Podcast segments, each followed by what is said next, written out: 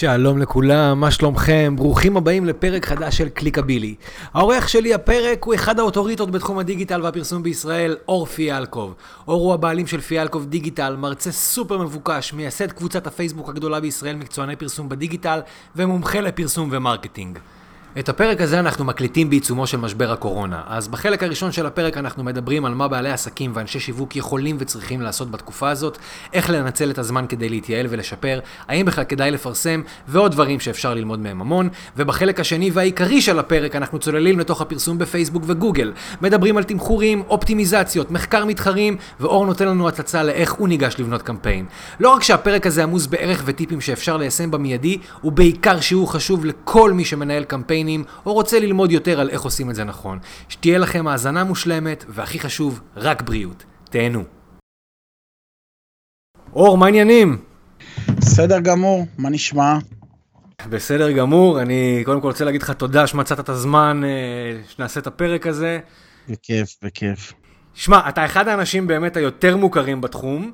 אה, ככה שאני יודע שהרבה אנשים יודעים מי זה אור פיאלקוב, אבל אני רוצה דווקא שתספר לנו אה, איך בכלל הגעת לתחום. האמת שהגעתי לתחום ממש בטעות. אני עברתי אה, לפני עשר שנים לסין, עם מי שהייתה אז חברה שלי, היום אשתי, עם ענבל, ואני בכלל למדתי שם סינית וטיילתי, וממש לקראת הזמן שחזרתי הביתה, חבר ביקש שאני אעזור לו. עם הפייסבוק, אה, ולא ידעתי שם כלום. ואז אה, אה, דיברתי עם חבר אחר שלי והוא אמר לי, תקשיב, יש לי איזה חבר, קוראים לו אדגר שפיבק, הוא יעזור לך. אז התקשרתי מסין לאתגר, התחלתי לשאול אותו את השאלות הכי מפגרות בעולם על פייסבוק, והוא ישב איתי איזה שעתיים ועזר לי למרות שהוא לא הכיר אותי, ואז כשחזרתי לארץ, כמה שבועות בודדים אחרי זה, אז הלכתי ללמוד קורס ב new media, גם זה ממש בטעות, אני בכלל רציתי ללמוד פוטושופ, והייתי צריך כל מיני מסמכים מג'ון ברייס, והם לא הביאו את המסמכים, ודווקא במכללה מ new media תקתקו לי את המסמכים באותו יום, אז uh, נרשמתי ל- לקורס קידום אתרים מלא בניו מדיה, ושם כאילו התחלתי, uh, עשיתי קורס, התחלתי להביא לקוחות, ומה שנקרא התגלגלתי. אחרי זה ניהלתי את הדיגיטל של המכללה איזה תקופה, ולימדתי שם גם איזה תקופה. תענוג. תשמע, חשוב אה, שאתה יודע, נספר ככה למי שמקשיב, אם אנשים יקשיבו לזה, אתה יודע, בטיימינג קצת יותר רחוק, שאנחנו בעצם עושים את הפודקאסט הזה כשאנחנו בעיצומו של משבר הקורונה, ויש אי ודאות מטורף וכאוס פסיכי לגמרי. ועסקים נפגעים, וגם אנחנו בדיגיטל אה, כסוכניות אה, נפגעים. ואתה יודע, אחד הדברים שהכי בולטים בתקופה האחרונה, בכמה ימים האחרונים, זה פתאום צצים כל מיני מנטורים מטעם עצמם, של בואו תעשו אה, מהקורונה לימונדה. מה דעתך על הגישה הזאת? קודם כל, אני את הביטוי הזה של לעשות מהלימון לימונדה, אני לא אוהב. ב', אני חושב שאולי לטווח הקצר הדברים האלה... יכולים לעבוד, אבל לטווח ארוך אין להם סיכוי. יש דברים שעסק יכול לעשות בזמן הזה כדי לשפר את המצב שלו, אבל הסיכוי שעסק שלא מפוקס על איזה שהם פתרונות שהם מחוברים לקורונה יצליח עכשיו להרים איזשהו משהו ולא סתם לשרוף את הכסף שלו אצל כל המנטורים האלו, נמוך מאוד. ולכן אני לא הייתי ממליץ על זה בכלל. אם אתה שואל אותי בכללי, אז אני הייתי אומר שהם אני הייתי מציע לעסקים קודם כל לנסות לטפל בצד של ההוצאות, אם זה אומר להוציא עובדים לחל"ת, אם זה אומר לקצץ באחוז משרה, כמובן הכל בהסכמה, לדאוג לעובדים, אה, שיקבלו כסף מביטוח לאומי והכל, לקצץ בהוצאות, אם זה הוצאות שכירות או טלפוניה או כל דבר אפשרי שיש. אה, לא רק בעסק, גם בבית. בעל עסק צריך כסף, כמות כסף מסוימת הביתה כדי לחיות, אז גם בזה צריך לקחת בחשבון שאנחנו לא יודעים כמה זמן המשבר הזה אה, הולך להיות, אז אה, עדיף לקחת איזשהו מרווח ביטחון ולא לצאת מתוך נקודת הנחה שחודש הבא או אחרי פסח או אחרי החגים אז הכל יהיה מושלם, כי זה לא יהיה מושלם. גם אם נחזור לעבודה רגילה, עדיין יהיה, יהיה איזשהו משבר כלכלי במשק. המון עסקים נסגרו, המון עסקים לא התאוששו, וזה ישפיע על כל הכלכלה של ישראל תקופה ארוכה. השאלה כמה זה ישפיע זה כבר שאלה אחרת. יש דברים שאני יכול להציע לעסקים לעשות, אבל אני אתן דוגמה, אם אתה עסק של כושר, שעושה לדוגמה אימונים אישיים ואתה לא יכול לעשות את זה, להקליט עכשיו בהשקעה מאוד מאוד גדולה סרטונים של אה, אימונים אישיים ביתיים, זה לא הייתי עושה. מה כן? אם זה עלויות יחסית שוליות של כמה אלפי שקלים, זה משהו שאתה יכול לספוג אותו, שווה לעשות את הטסט הזה. אבל לצאת עכשיו במהלך שיווקי של אה, לפרסם בעשרות אלפי שקלים ולעשות צילומים והכל למשהו שאין לך שום מושג אם הוא יעבוד או לא, לא חושב שזה הזמן, מה גם שבוא ניקח בחשבון שכרגע מדברים על 100 אלף אנשים שיצאו לחל"ת, בכלל לא מדברים על כמות האנשים שיפוטרו, אנשים שאין להם כסף לא יקנו את הדברים האלה, לא יהיה להם מאיפה, אז כמו שהם לא... הולכים לקולנוע, הם גם לא יקנו קורס uh, של uh, איך לעשות uh, אימון כושר מהבית. רוצה לתת אבל משהו כן אופטימי, אני כן אגיד שכל עולם של הלימודים, ה e-learning, הלימודים הדיגיטליים, כן הולך לצמוח כי אנשים יהיו בבית. אז אם נניח בעולם שלנו, אני עושה קורסים, אני כבר עושה קורסים פרונטליים, אני כן חושב שחלק מהאנשים היו רוצים לעשות קורסים מהבית בזמן הזה.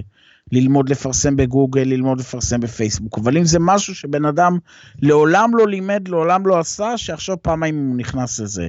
אם אתה כבר מלמד וכבר עושה, כן. לתת שלוש שעות איזשהו קורס בנושא מסוים, זה משהו שיכול לעשות uh, בהשקעה לא, לא גדולה.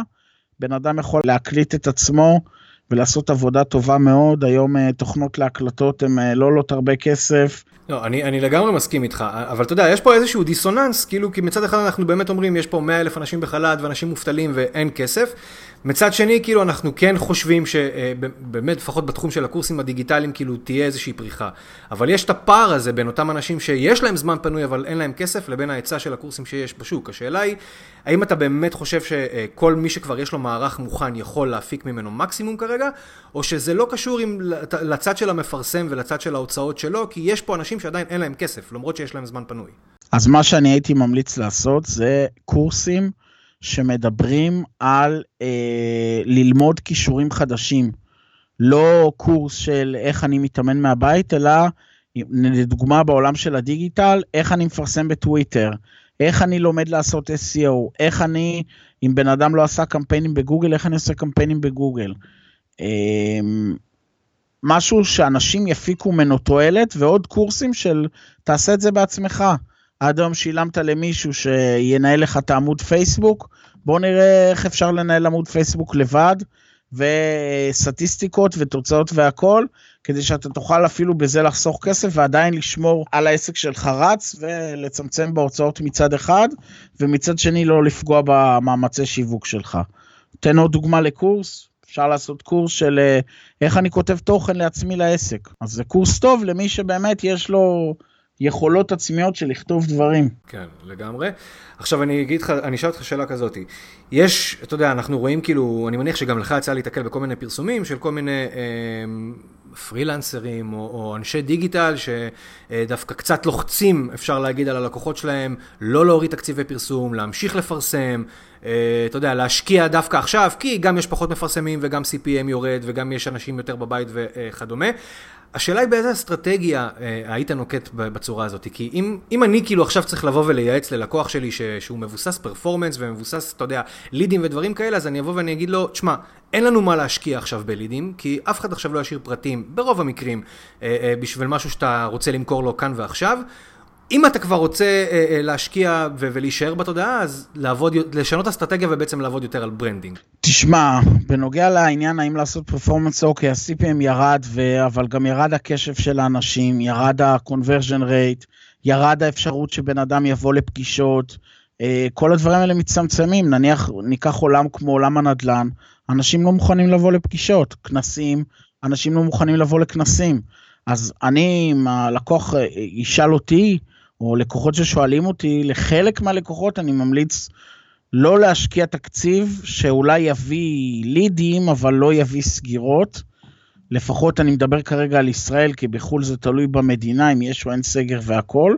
יש מקרים, לדוגמה, מוסדות לימוד, שעדיין יש אנשים שיירשמו לשנת הלימודים הבאה, אז אני דווקא שם לא הייתי מוריד את הרגל מהגז, אלא להפך, מגדיל את התקציב, כי אני צריך נרשמים ואין לי ימים פתוחים או כינוסים, אז אני צריך לגרום לאנשים להירשם מהטלפון, אני צריך יותר פניות כדי להביא את אותו כמות נרשמים. מה שכן, כל העולם הזה של branding, חשוב מאוד להישאר בתודעה. זה אומר שאם העסק עכשיו נעלם, גם אם הוא לא עובד, אם העסק נעלם, שהמשבר הזה ייגמר, אף אחד לא יזכור אותך. זה מדובר פה על כולם, החל מזאת שעושה לק ג'ל ועד למסעדה. אז אה, אפשר להישאר בתודעה, לא צריך להשקיע בזה המון המון כסף. אפשר לעשות גם דברים אה, כמו שאנחנו עושים לדוגמה עכשיו, uh, דברים שיווקים שלא עולים כסף, וכן להגיע, או דברים שעולים מעט כסף, וכן להישאר בתודעה. תן לי דוגמאות כאלה באמת שאנחנו, אתה יודע, שזה בעל עסק שעכשיו מקשיב לנו ו- ומנסה לחשוב איזה דברים הוא יכול לעשות שלא יעלו לו יותר מדי כסף, אה, אבל באמת בשביל להישאר בת- בתודעה. כמה דברים, אחד, תלוי בתחום, אבל אה, אם זה, אני אתן דוגמה, אופנה לדוגמה.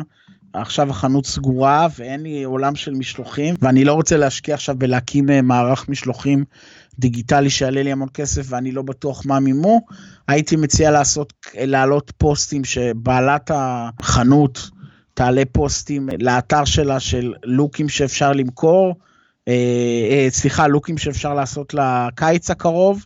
ולהגיד מי שרוצה לקנות אז אה, שתפנה אליי בפרטי ובמקום להרים מערך של e-commerce פשוט למכור לאנשים בטלפון או דרך הסקייפ, הוואטסאפ או המסנג'ר ולקחת מהם כסף באשראי בטלפון ולשלוח להם את זה אה, בדואר או בדואר שליחים או כל פתרון אחר כדי להכניס אה, כסף בעסק. זה דוגמה אחת של תוכן, דוגמה נוספת של תוכן שאפשר לעשות זה ללכת לעולמות של לעשות וובינארים. לתת ערך, לתת תוכן מעניין, הרבה, דיברנו שאנשים בבית, אז אה, אנשים ירצו להקשיב לדברים ולשמוע ויהיה אה, להם זמן להאזין, פודקאסטים זה גם דבר מצוין, מדריכים לדוגמה חינמים להורדה, ואז אני מבקש מאנשים את האימייל שלהם בתמורה, אני צובר data, מה שנקרא, לאחרי המשבר, ואז יהיה לי רשימת ניוזלטר מאוד מאוד גדולה. יש הרבה פתרונות שבעל עסק יכול לעשות. דרך אגב, עוד משהו שבעל עסק יכול לעשות, זה משהו שאנחנו עושים, להסתכל פנימה על הנכסים הדיגיטליים שלו, הרבה דברים שלא לא נוגעים בהם. אה, אתר אינטרנט אפשר עכשיו לשדרג אותו, לשפר אותו, להעלות בו תוכן, לסדר בו כל מיני דברים עיצוביים, לעבוד לדוגמה, משהו שאנחנו עשינו בשבוע האחרון, שאנחנו דוחים כבר המון זמן לסדר איזשהו ספר מותג לעסק, זה לא צריך להיות 200 עמודים, אבל כמה עמודים שמסבירים על העסק עצמו מבחינה עיצובית, אה, להעלות תכנים לאתר אינטרנט, כל הדברים שאנחנו ביום יום שוכחים מהם, מה שנקרא, מבחינת אה, שיווק, והיום אפשר אה, להכין אותם. המשבר הזה גורם לך גם בתור איש שיווק לעשות איזה שהם איזושהי חשיבה מחדש, לא רק על העסק שלך, אלא גם כלפי דברים שאתה תוכל לבוא ולהציע ללקוחות אחר כך. זאת אומרת, אתה יודע, יש לנו איזושהי סכמה שאנחנו לרוב עובדים איתה ומציעים ללקוח א', ב', ג', האם עכשיו, אחרי מה שחווינו, אתה גם תבוא ותציע ללקוח, בוא, בנוסף למה שאנחנו עושים, נבנה גם תוכנית, ב, אתה יודע, פלן בי, לאם וכאשר יהיה לנו עוד משבר בהמשך הדרך. מה, משבר כזה עולמי זה, אני מקווה, כן, משהו שקורה פעם בדור. אז כן. לבוא uh, להתכונן לקרייסס של uh, מלחמה עם איראן, או אסטרואיד שהולך ליפול על כדור הארץ, או מגפה עולמית, זה משהו שלא הייתי נכנס אליו עם לקוח, אבל מה שכן, אני יכול להגיד שאני כן חושב על העולמות, להעביר אותם לדיגיטל, לדוגמה, אה, פגישות שיכולות לעבור לשיחות דרך האינטרנט. זה משהו מצוין, ואז לא צריך לנסוע לפגישות ולבזבז את הזמן על דברים כאלה ואחרים. עוד דבר זה בעולם, כמו שדיברנו מקודם, עולם של הלימודים האינטרנטיים. אה, זה כן משהו שיכול לעשות איזשהו שינוי. היום גם באוניברסיטאות, מכללות, אתה חייב לבוא לכיתה. אה, אין שום סיבה שלא יהיה מצב שאתה תלמד חלק מהקורסים מהבית, ודווקא עכשיו שבאמת לומדים מהבית, יכול להיות שזה גם ייתן איזה פוש מאוד מאוד גדול לכל העולם הזה. אפילו ברמה של אה, להצביע בבחירות, למה שאני לא אוכל להצביע מהסמארטפון שלי ואני חייב לבוא לאיזשהו אה, מקום בשביל להצביע, אז אני חושב שכן יכול להיות יתרון מאוד מאוד גדול. וגם עסק צריך לשאול את עצמו אחרי המשבר, איך אני מעביר הכל לדיגיטל. לגמרי, אני באמת חושב שכל המשבר הזה, אתה יודע, נותן גם לאזרחים וגם לעסקים איזשהו שינוי בקונספט, כי אנחנו עכשיו צריכים להתרגל למשהו חדש. כאילו, אתה יודע, יש, יש אילוצים, יש מצב נתון, אנחנו צריכים לעשות את ההתאמות. השאלה אם אנחנו נצליח להיות מספיק חכמים, לקחת את כל ה-benefits האלה שנרוויח עכשיו, כמו להתרגל לעשות פגישות מרחוק ולא לבזבז זמן על הכביש, ובאמת נצליח ליישם אותם אה, אה, רחוק, אתה יודע, אחרי שיגמר המשבר. מה, אני מאוד מקווה שכן. אה, אני כן אגיד שזה לא פשוט. בוא ניקח את עולם האי-קומרס. אה, סטטיסטית, אה, אם יש לך חנות בקניון, מהאנשים שנכנסים לך לחנות, בין 8 ל-13 אחוז מהאנשים האלה יעשו קנייה בחנות. למה? כי לקניון יש מוניטין, בן אדם בא לקניון, הוא בא להוציא כסף. אז כל עוד יש זרימה של תנועה בקניונים, אתה מצליח למכור, לא מעט. בטח אם אתה בקניון אה, כמו לדוגמה רמת אביב אה, ברמת אביב, אבל אתה פותח חנות היום בדיגיטל, האחוז מכירות הוא בין אחוז לשניים, שזה יחסית אחוז מאוד מאוד נמוך, ומה גם שלפתוח היום חנות בלי לקדם אותה זה כמו לפתוח חנות ברמת חובב. אין שם שום דבר, אף אחד לא עובר שם גם בדרך לאילת, אז אתה צריך להזרים תנועה לחנות שלך. אז נכון שמצד אחד העלות פתיחת חנות בדיגיטל היא הרבה יותר זולה, אבל צריך להשקיע הרבה הרבה יותר בשיווק וגם להחזיר את האנשים. אתה לא נהנה מהתנועה שמגיעה מהקניון. אז נכון שהשכירות היא הרבה יותר נמוכה עד אפסית, אבל עדיין אתה צריך להשקיע המון בשיווק.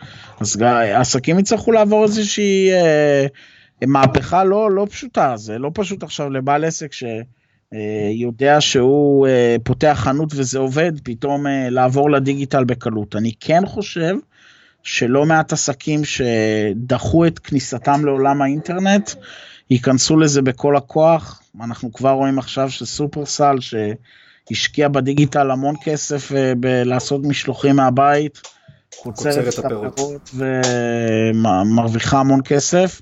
מה גם שבינינו, היא לא צריכה כל כך הרבה סופרים, כל כך הרבה שטח מסחר. אז אני כן אראה שחלק גדול מהדברים, ברגע שבן אדם מתחיל לעשות, אני יכול לדבר על עצמי, מתחיל לעשות הזמנות uh, של אוכל מה... מסופרסל מהאינטרנט, הוא לא חוזר לעשות קניות בסופר. לא, אין, אין ספק שיש בזה הרבה בנפיטס, ואני רק מקווה שנצליח uh, להתייעל וליישם אותם בהמשך. בוא, בוא נעבור לדברים קצת יותר כיפיים, בוא נשים רגע את הקורונה בצד ואת כל המצב, אה, אתה יודע, ו- וניכנס ל- לעולם ש- ששנינו מאוד מאוד אוהבים, שזה קמפיינים ושיווק ואסטרטגיה ו- ודברים ש- ש- שעושים טוב.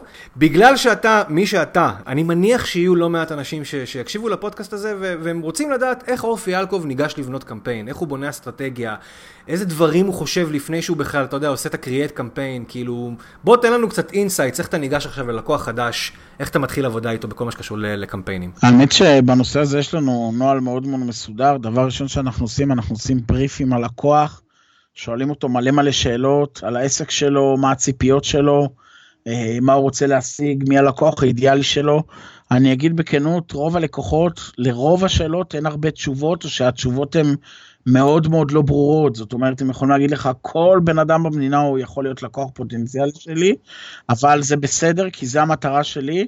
הדבר הבא זה לעשות איזשהו מחקר, גם מחקר אה, מתחרים, גם מחקר מילים בגוגל, להבין באיזה עולם אנחנו חיים, לראות מה אחרים עושים, לראות מה עושים בחו"ל, ואז אחרי שיש לי את כל המידע הזה, לעשות תיאום ציפיות עם הלקוח, שיהיה ריאלי במה אפשר להשיג, מה הציפיות לליד, לעלות לליד, מה האיכות של הלידים וכאלה.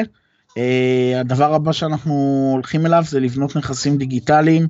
אם ללקוח אין uh, אתר אינטרנט או דפי נחיתה, אז אנחנו מתחילים עם זה, ואני גם לא מתבייש להגיד ללקוחות שלדוגמה, לא רוצים לשפר את האתר שלהם או לא רוצים לבנות דפי נחיתה, אני לא מרים איתכם קמפיין, תלכו למישהו אחר.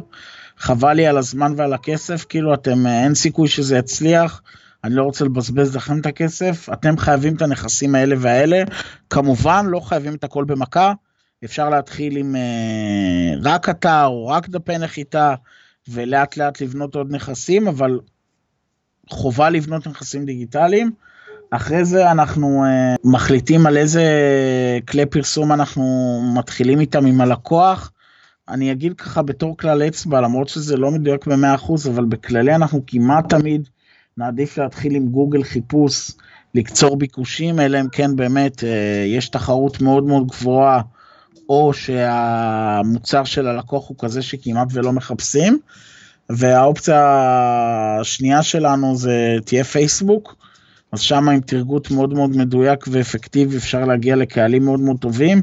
מה גם שבעוד שבגוגל בן אדם שמחפש ומתלבט בינך לבין מישהו אחר, בפייסבוק ההתלבטות היא בינך לבין כלום, אז המון פעמים זה נותן לך יתרון מאוד מאוד גדול בעלויות לסגירה, כי סתם, או שהוא ילמד אצלך במכללה, או שהוא ילמד ב... לא ילמד בכלל השנה. ולא בעולמות של אה, אני רוצה ללמוד תואר ראשון, אז זה יהיה במכללה או באוניברסיטה. זה יכול להיות יתרון מאוד מאוד גדול. כן, זו נקודה מעניינת, אבל למה אתה מתחיל דווקא עם, אה, עם גוגל? אה, פשוט לקצור ביקושים, המון פעמים אחד היתרונות בגוגל זה שאתה הולך על ביטויים מאוד מאוד ממוקדים, אתה מביא לידים שהאחוז סגירה שלהם הוא גבוה. אז אני כמעט תמיד מעדיף לשים בגוגל את הכסף ההתחלתי. כי אני יודע שאני אביא לידים, אפילו אם הם יהיו יקרים, הם יהיו מאוד מאוד איכותיים מהסגירות. מה גם שבינינו להמון לקוחות אין סבלנות, הם רוצים לראות תוצאות מהירות, אז מה שקורה זה שבגוגל האנשים הם באים לקנות היום, ובפייסבוק לפעמים זה לוקח טיפה יותר זמן. כן. טוב, מה גם שאם אתה מתחיל בגוגל, אז יש לך, כשאתה עובר כבר לפייסבוק, יש לך אחלה קסטיום אודיאנס להתחיל איתו. זה נכון, זה נכון. אבל אני באמת חושב על העולמות של אה, לקוח רואה תוצאות מהירות. ויש מכירות יחסית על ההתחלה, אבל זה לא שאני מתחיל בגוגל, אנחנו כמעט תמיד הולכים בגוגל ופייסבוק ביחד. אבל כאילו הפלטפורמה הראשונה שנבנה קמפיינים תהיה גוגל, פשוט בגלל שאני יודע שזה יביא תוצאות. מקרים מעטים מאוד שאני לא אלך לפייסבוק, זה אם לקוח רוצה קהל מאוד מאוד ספציפי ואין לו רשימות, הוא רוצה להגיע לדוגמה למנהלות משאבי אנוש ואין לו רשימה של מנהלות משאבי אנוש, אז uh, לא בטוח שהייתי הולך לגול לפייסבוק uh, במקרה הזה. כן. תהליכים שאתה חושב שהם must כשאתה מנהל קמפיין.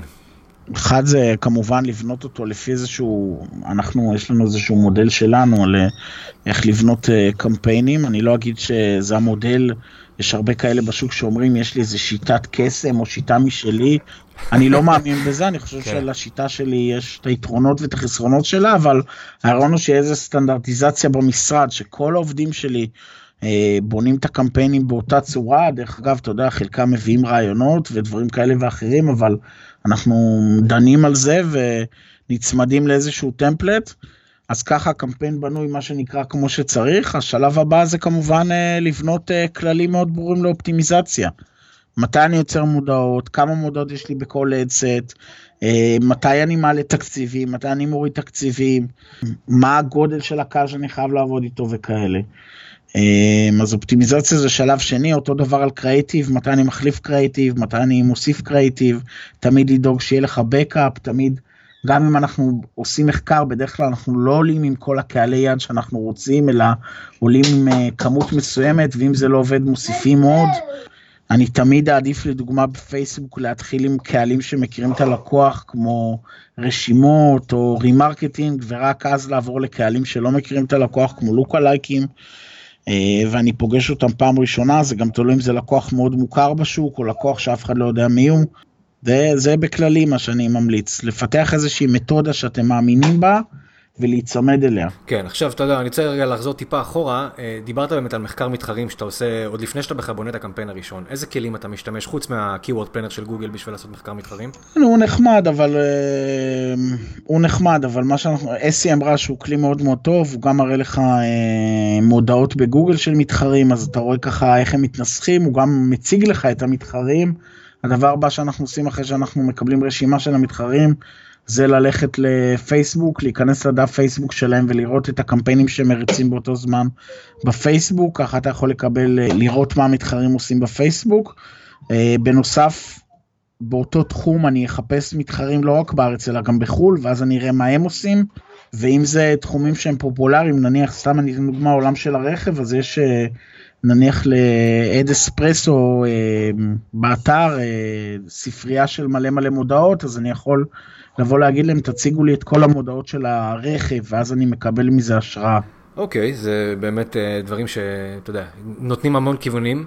ועוד ככה כמה ממש טיפים קטנים, אבל עם VPN היום, uh, מי שלא מכיר, אז VPN זה דרך לדמות שיש לך כתובת IP uh, אה, שהיא לא ישראלית. אז אני לדוגמה רוצה, אני משווק תכשיטים, נכנס לגוגל עם ה-VPN אה, של ארצות הברית, מחפש תכשיטים, ישר אני רואה את המפרסמים הגדולים בארצות הברית בניו יורק על תכשיטים, רואה מה הם עושים, נכנס לעמודי פייסבוק שלהם ושואב מהם השראה.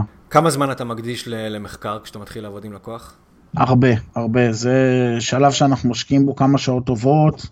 לעשות שם מחקר ממש מעמיק ויסודי, זה גם איזשהו פינג פונג עם הלקוח, אנחנו שולחים לו את המחקר מילים, מחקר מתחרים, שואלים אותו אם הוא מכיר עוד דברים, המון פעמים זה קטע קצת מצחיק, כי לפעמים הלקוח, הוא אומר לך על מישהו שהוא כאילו תופס אותו בתור מתחרה שלו, אבל הם בכלל לא מתחרים ישירים, או שבכלל לא באותו סדרי גודל, כאילו. אבל הוא, אתה יודע, זה עולם שהוא רוצה להיות דומה לו, והמון פעמים זה לא, זה לא מקום טוב, כי זה מותג מוכר עם אה, ניסיון של 100 שנה, ואתה פתחת עכשיו את העסק. אתה צריך איזה בידול מסוים, ולא להיות כמו המתחרה שקיים כבר 100 שנה. אז אה, זה גם משהו שאנחנו המון פעמים עושים איזשהו פידבק עם הלקוח, או שאם הוא ממש מתעקש, אומרים לו בוא נעשה טסט, לראות האם הכיוון הזה עובד, ואם לא, לעשות את מה שאנחנו חושבים שנכון. כמובן, אנחנו עושים את זה בשיתוף עם הלקוח, גם שייקח חלק בתהליך, וגם כאילו, אתה יודע, לפעמים זה גם מפתיע אותנו, לקוח אה, מציע איזושהי הצעה, עם כל הכבוד לניסיון ולידע שלי, בסוף אה, אין פה איזה אמת מוחלטת.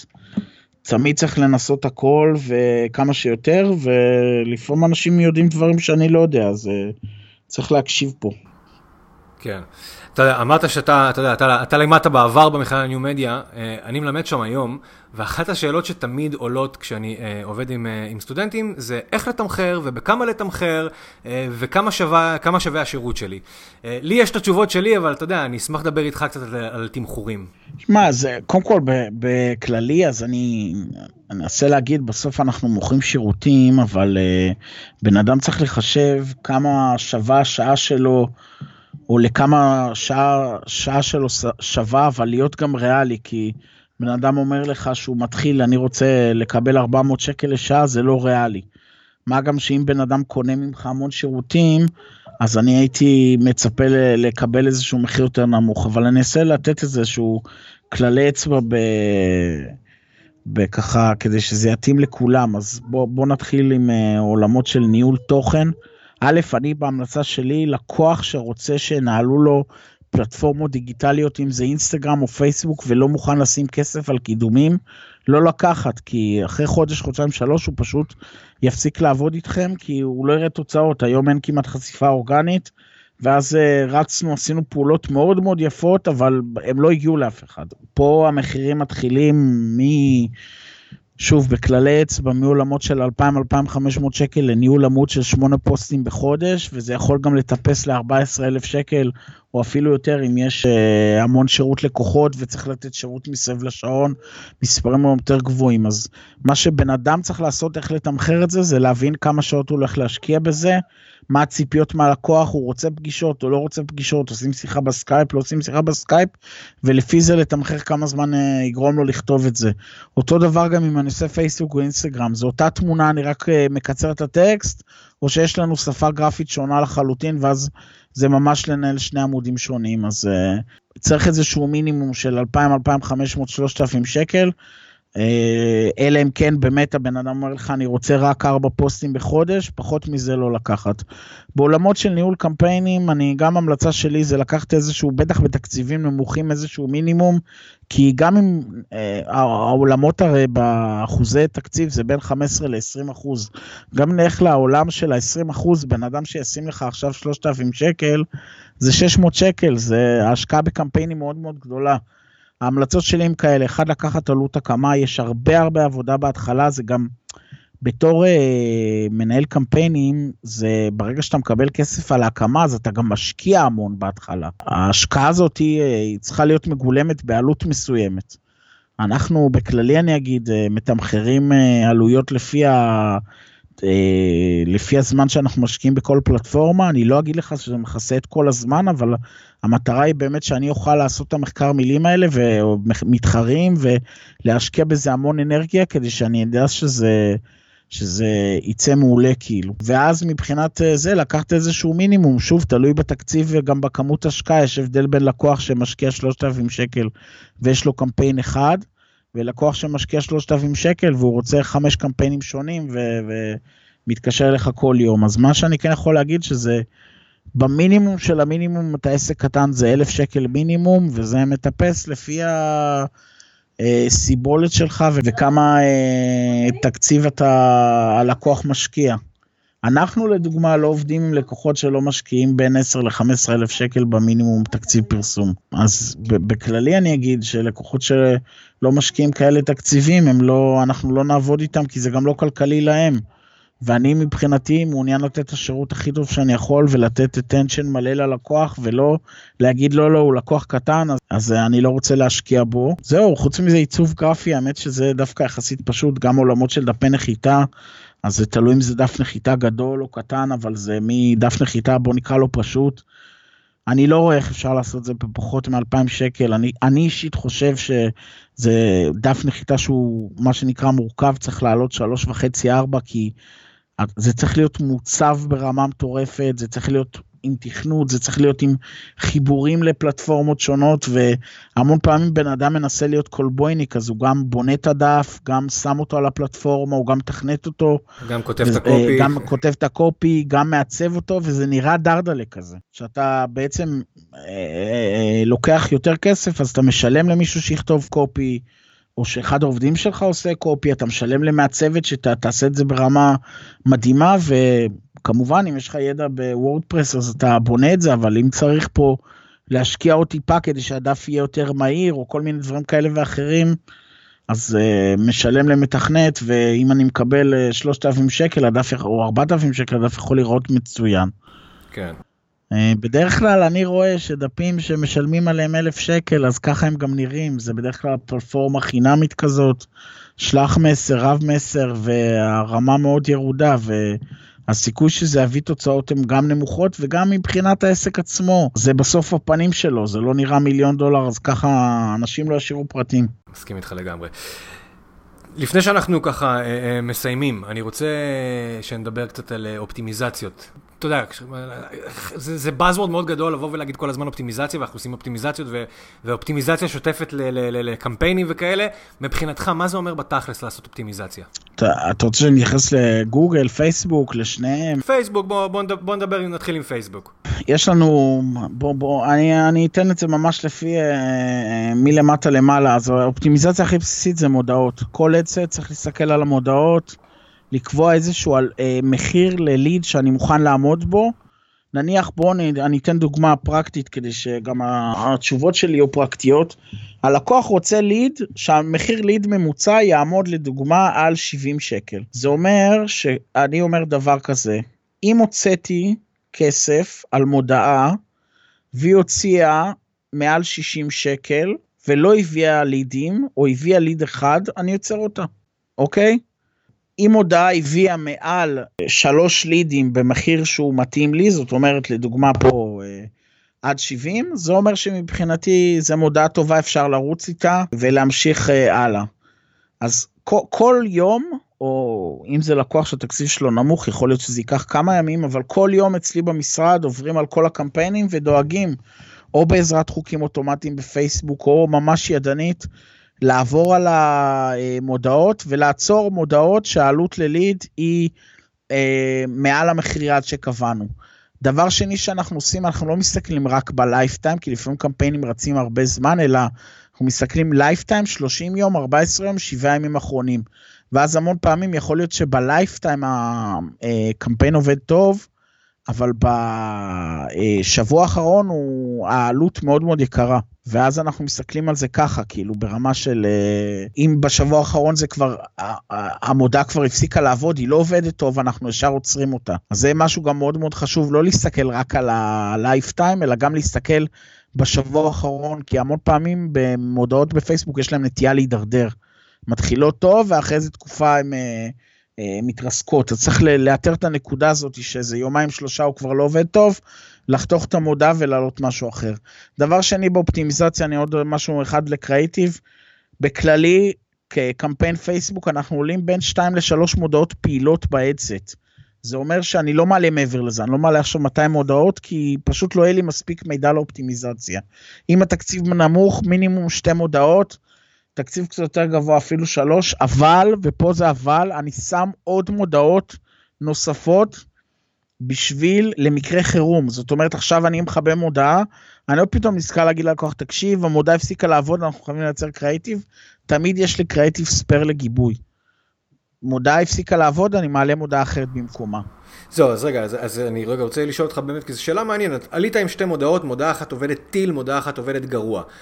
לא תכבה את המודעה שעובדת גרוע ותישאר רק עם הטיל? זאת אומרת, אתה בכל מקרה, תכבה את זאת שלא עובדת טוב, אבל תעלה עוד אחת שתרוץ? לא, לא, לא, רגע, אז בוא, בוא נפריד. יש שתי, כמה אופציות. אחד, בוא נגיד המחיר יד שלי הוא 70 שקל. כן. אחת, מה זה טיל? היא מביאה ב-40, השנייה מביאה ב-50. לא עוצר את ה-50. אוקיי. למה? כי באיזה שלב גם הזאת של ה-40, המחיר שלה התחיל לטפס.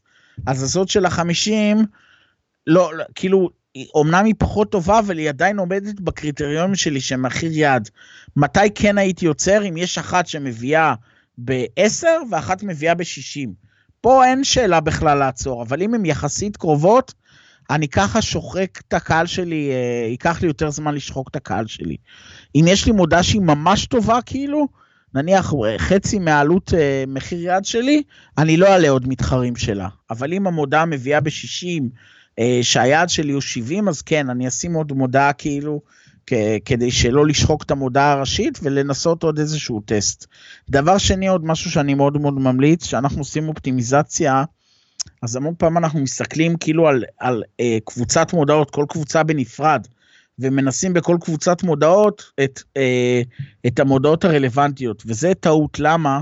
כי אחד הדברים שאני מאוד אוהב לעשות זה להסתכל על הדברים מלמעלה, יש דרך לעשות את זה עם אקסל בפיבוט טייבל, ויש דרך לעשות את זה גם דרך הממשק של פייסבוק, אבל האמת שהדרך הכי קלה שאני מצאתי ואופטימלית, אנחנו נותנים, ודיברנו מקודם על אה, אה, לבנות קמפיין כמו שצריך, אז אחד הדברים הכי חשובים זה לתת שמות מאוד מאוד מדויקים אה, לקמפיינים, מודעות ואדסטים. אז בוא נלך לעולם של המודעות.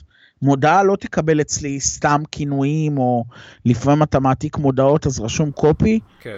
יהיה רשום עד 01, עד 02, עד 03, ואז אה, האם זה תמונה או וידאו או קרוסלה או אה, אה, סוג אחר של מודעות, ויהיה רשום ליד זה אה, איזשהו כינוי למודעה. כינוי יכול להיות אה, שחור, יכול להיות לבן, נניח בלק או ווייט, יכול להיות לדוגמה אה, מסגרת שחורה. למה? כי לפעמים אנחנו עושים על אותו מודעה איזה שהן ורסיות שונות, נניח מסגרת שחורה וטקסט כחול, מסגרת שחורה, טקסט אדום. עכשיו, למה זה חשוב? כי אפשר להיכנס לקמפיין ואז לעשות סינון לפי שם של מודעה, נניח עד אחד. כן. ואז אני יכול לראות איך המודעה הזאת עובדת בכל הקמפיין. אז יכול להיות שכאילו היא לא הוציאה מספיק, ואז אני אומר, "אה, היא הוציאה רק 30 שקל, אני לא יודע אם זה טוב או לא, אבל אם מסתכל עליה בכל הקמפיין, אני רואה שהיא הוציאה 500 שקל ולא הביאה לידים. אני כבר יכול לחתוך אותה, זאת אומרת, כאילו, היא בשום מקום לא הראתה אה, הוכחה שהיא מודעה טובה. אותו דבר אם אני רושם את השמות כמו שצריך, הוספתי כפתור call to action למודעה. האם הכפתור call to action משפר או לא משפר את הביצועים, אז אני יכול לעשות עם call to action, מודעות שיש בהן call to action, לעומת מודעות בלי call to action, ואז כבר לקבל מסקנות, האם ה-call to action עובד לי או לא עובד לי, אה, מהבחינה הזאת. אז זה מבחינת עולם הקריאיטיב, זה דבר ראשון. דבר שני זה בעולמות של הטרגוטים, אז קודם כל דיברנו על אני בונה את הקמפיין בצורה מסוימת, ad set נפרד לרשימות, ad set נפרד ל remarketing, remarketing על ה... אה, על ה engagement בעמוד פייסבוק ובאינסטגרם, ואני נותן להם uh, תקציבים. בנוסף, אני בונה קהלים חדשים, lookalike ים, תחומי עניין וכאלה. כן. ואז אני, כמו שעשיתי למודעות, ככה אני עושה גם לאדסטים. אם יש אדסט טוב שמביא לי לידים במחיר זול, אני אעלה לו את התקציב.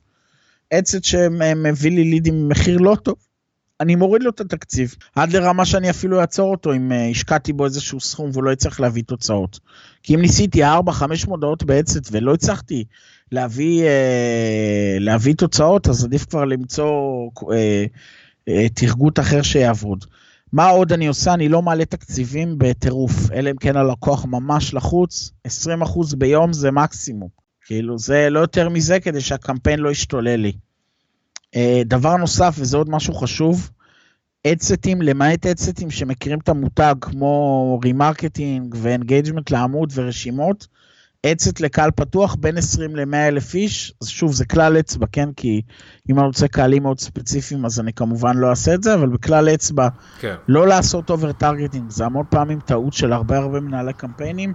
הלקוח אומר להם, תקשיבי, אני צריך uh, מישהו שלמד מדעי מחשב, והוא רק למד במוסדות לימוד האלה והאלה, ויש לו תואר ראשון או שני, ואז אתה עושה גם וגם וגם, יוצא לך איזה 5,000 איש.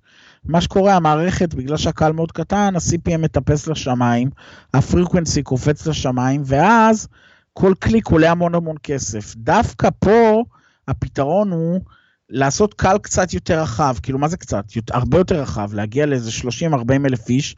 אני יודע שחלקם הגדול לא רלוונטי, אבל הואיל והמערכת של פייסבוק עובדת באופטימיזציה לתוצאות, היא תתפוס את הקהל הרלוונטי, אני מקווה, כן?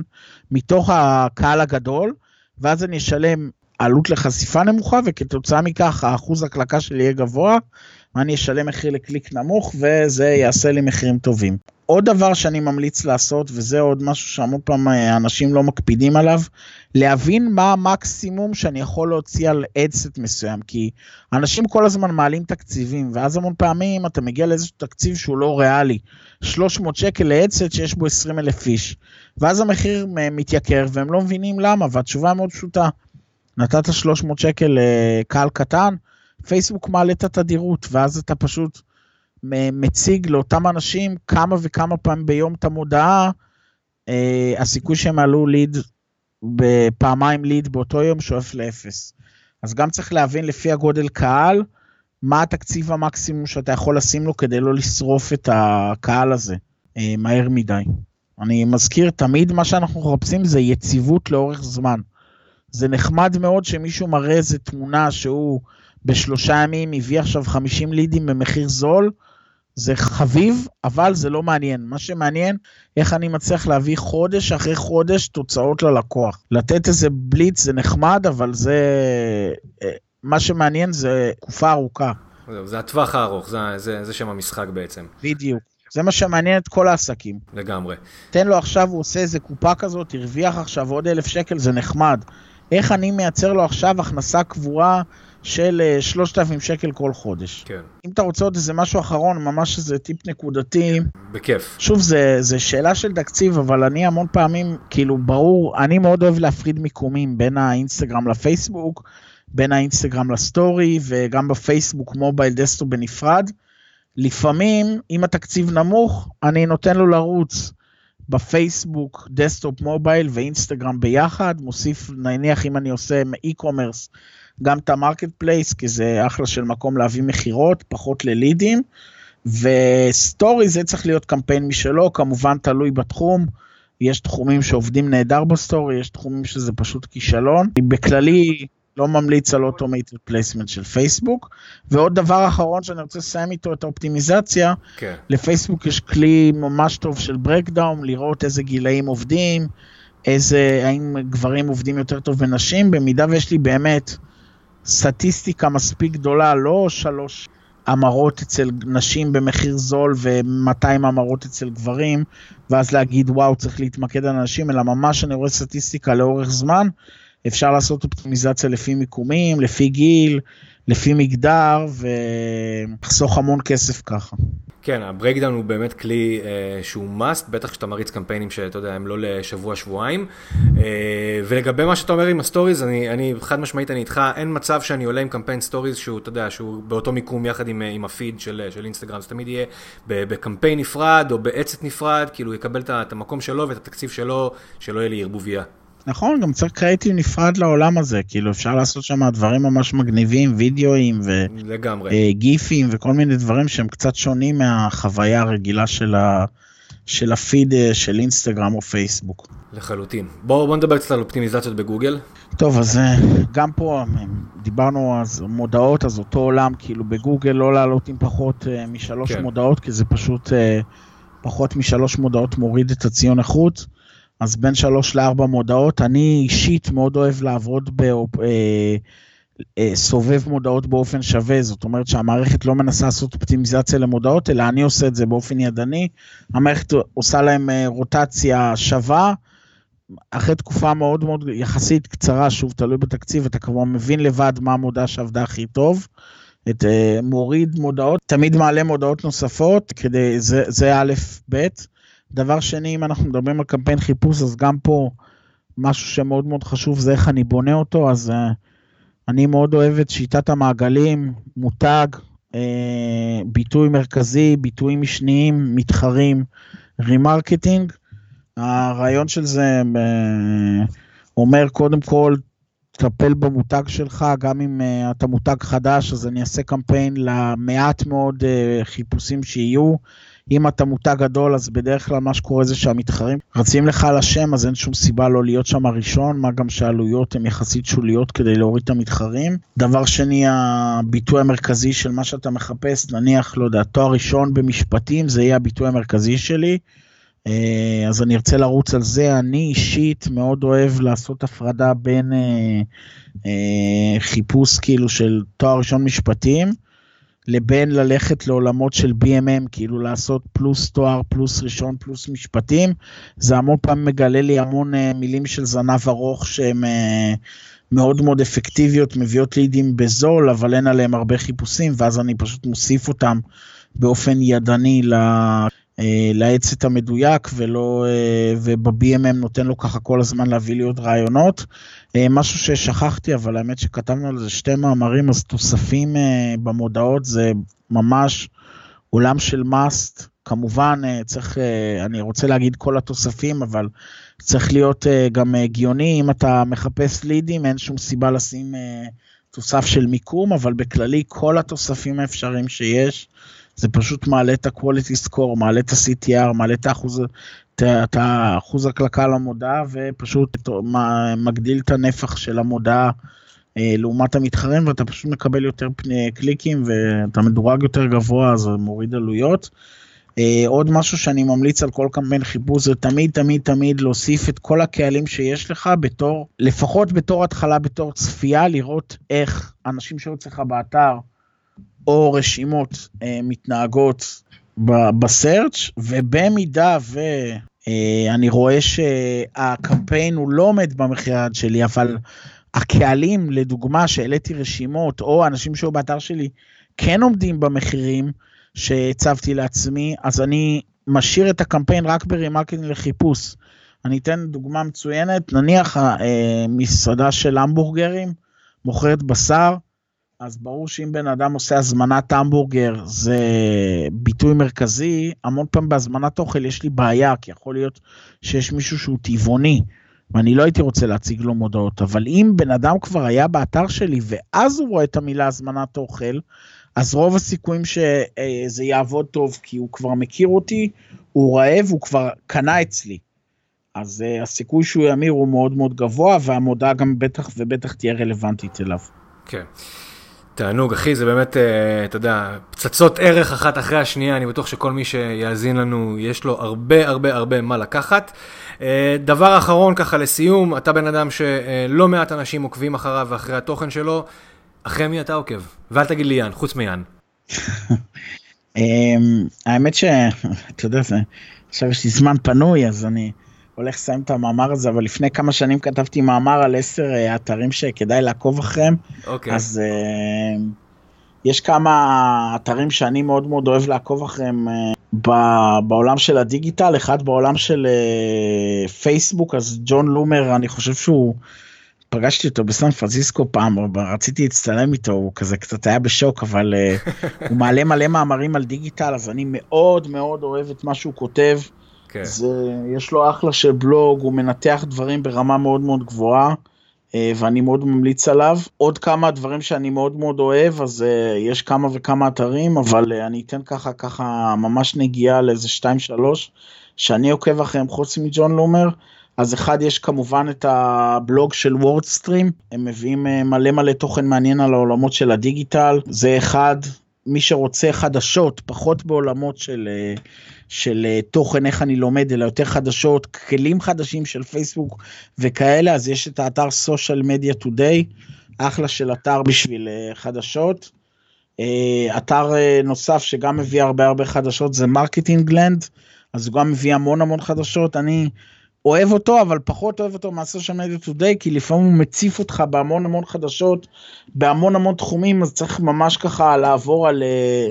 אה, בפינצטה על הדברים. עוד אתר שאני אוהב זה PPC Hero, יש שם אחלה של מאמרים, גם בעולמות של אה, פייסבוק, בכלל, בכל העולם של הדיגיטל, מלא מאמרים של קמפיינים, תוכן וכאלה, ואני אוסיף עוד איזה אחד אחרון, יש את סושיאל מדיה אקזמינר, שזה יותר מתעסק בעולם של סושיאל מדיה, הם מעלים הרבה הרבה בלוג פוסטים על לינקדין, uh, תכנים לדיגיטל וכאלה, אחלה של אתר. כמובן שאתה מעלה את הפודקאסט אז אפשר אה, לתת לינקים לכל האתרים האלה, אבל מה שאני ממליץ בכלל לכל מי שמתעסק בדיגיטל, לתת שעה, שעתיים בשבוע, לשבת על, ספציפית על רשימה של חמישה שישה אתרים שאתם אוהבים, לקרוא ככה ברפרוף את uh, מה שיש. דברים שהם חשובים שאפשר ללמוד מהם, אה, לשמור אחר כך ולקרוא בעיון, וכל הזמן להתעדכן, כי השוק הזה משתנה באופן מטורף, אה, על בסיס כמעט יומיומי, ואסור להישאר מאחור. חד משמעית. אחי, אני רק יכול להגיד לך המון תודה על הזמן הזה. אה, היה, היה באמת מעולה. בכיף, אני ממש שמחתי. ותענוג, תודה רבה. תודה. שיהיה המון בהצלחה. זהו, עוד פרק של קליקבילי מגיע לסיומו. המון המון תודה לאור פיאלקוב, את רשימת הבלוגים שהוא המליץ עליהם אפשר למצוא uh, אצלי באתר בפוסט שמדבר על הפודקאסט הזה, על הפרק הספציפי הזה. מוזמנים להמשיך לעקוב גם באינסטגרם, גם ביוטיוב, גם בפייסבוק, גם באתר עצמו, יואל דורון, מדיה דיגיטלית. עד לפעם הבאה, סלמת.